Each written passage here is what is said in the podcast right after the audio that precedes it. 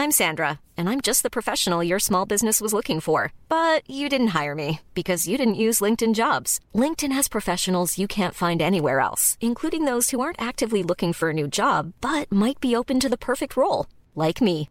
In a given month, over 70% of LinkedIn users don't visit other leading job sites. So if you're not looking on LinkedIn, you'll miss out on great candidates like Sandra. Start hiring professionals like a professional. Post your free job on linkedin.com/spoken today. In 9 van de 10 verzorgingsproducten zitten microplastics. Dat zie je niet altijd meteen. Ze zitten namelijk in de kleine letters van je ingrediëntenlijst. Dat is een groot probleem voor zo'n klein stukje plastic. Die microplastics zitten namelijk inmiddels overal, in de natuur en in je lijf. Gelukkig zijn er ook merken die gewoon microplastic vrij zijn. Want dat het anders kan, dat weten we bij Beleda, Lekker Company, Marcel's Green Soap, Naïef, Smaal en Witlof wel. Dus check de kleine letters. Die hebben de grootste impact.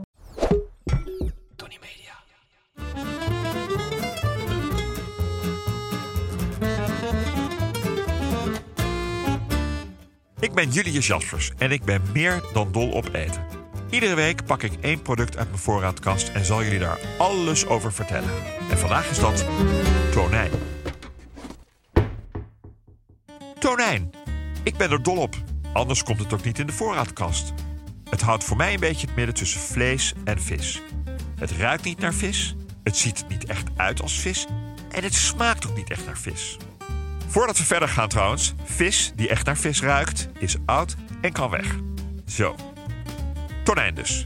Een beetje een vlezige vis, zeg maar. Vandaar dat mijn dochter Okkie, vishater in hart en nieren, wel van tonijn houdt. En gek genoeg ook van zeeduivel. Het zal een structuurdingetje zijn. Ik ben dus dol op tonijn. Dat wil zeggen op rauwe tonijn. En ook op gegaarde, gegrild of gebakken tonijn. Maar die moeten nog wel in het midden van het vlees rauw en dus koud zijn. Anders kan ze linea recta terug naar de keuken. Ik vind gare tonijn, behalve die uit een blikje, echt niet te eten. Kom ik zo nog even op terug, op die blikjes. Mijn lekkerste tonijn ooit? Ik denk bij Miku in Vancouver. We hadden net drie weken met een camper door Alaska en Canada gereisd. Waren een uur terug in de stad.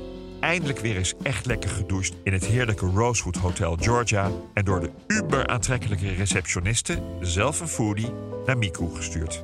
Aan een lange bar gingen we vol aan de witte wijn. Een Semillon Sauvignon Blanc van de Kettle Valley Winery. En aan de Aburi Sushi.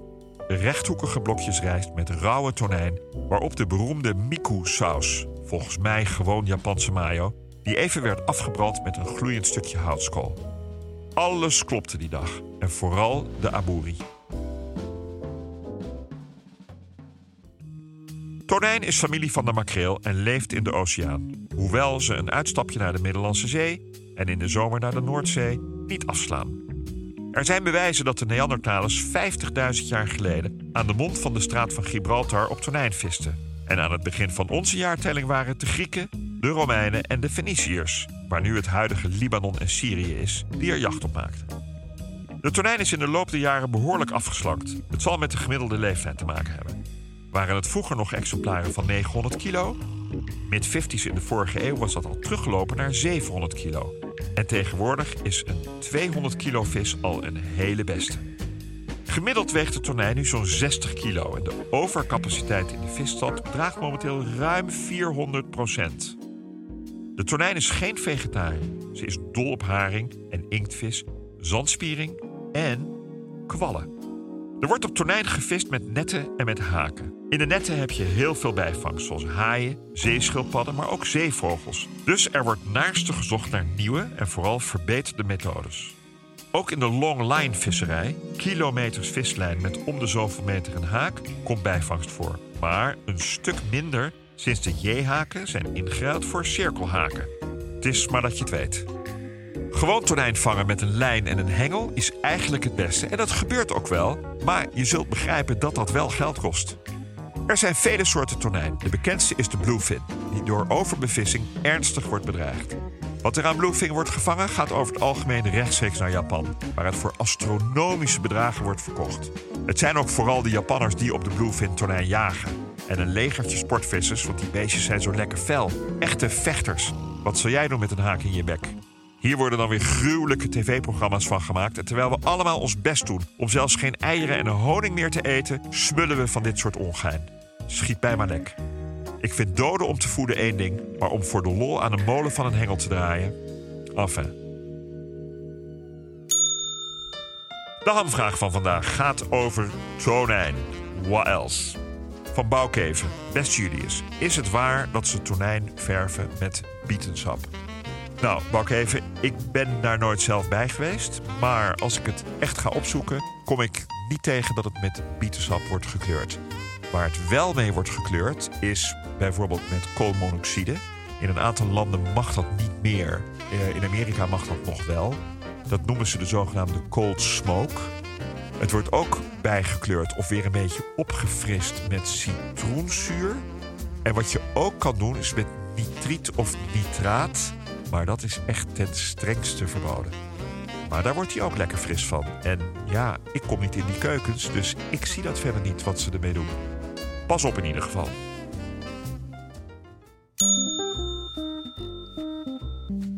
Het vlees van de bluefin is in plaats van het normale visvlees niet wit, maar rood. Dat wordt veroorzaakt door de myoglobine in de spieren. En die spieren die zorgen ervoor dat hij zo lekker fel is en zo lekker hard zwemt. Tot wel 60 km per uur. De lichaamstemperatuur van bluefin tonijn is hoger dan zeewater. Vandaar dat ze in koudere wateren kunnen leven. Yellowfin is de tweede tonijn en ook niet helemaal jovel, want eigenlijk ook vrij ernstig bedreigd. Door de immens populaire bluefin en het bedreigde uitsterven daarvan is de yellowfin ineens helemaal hot.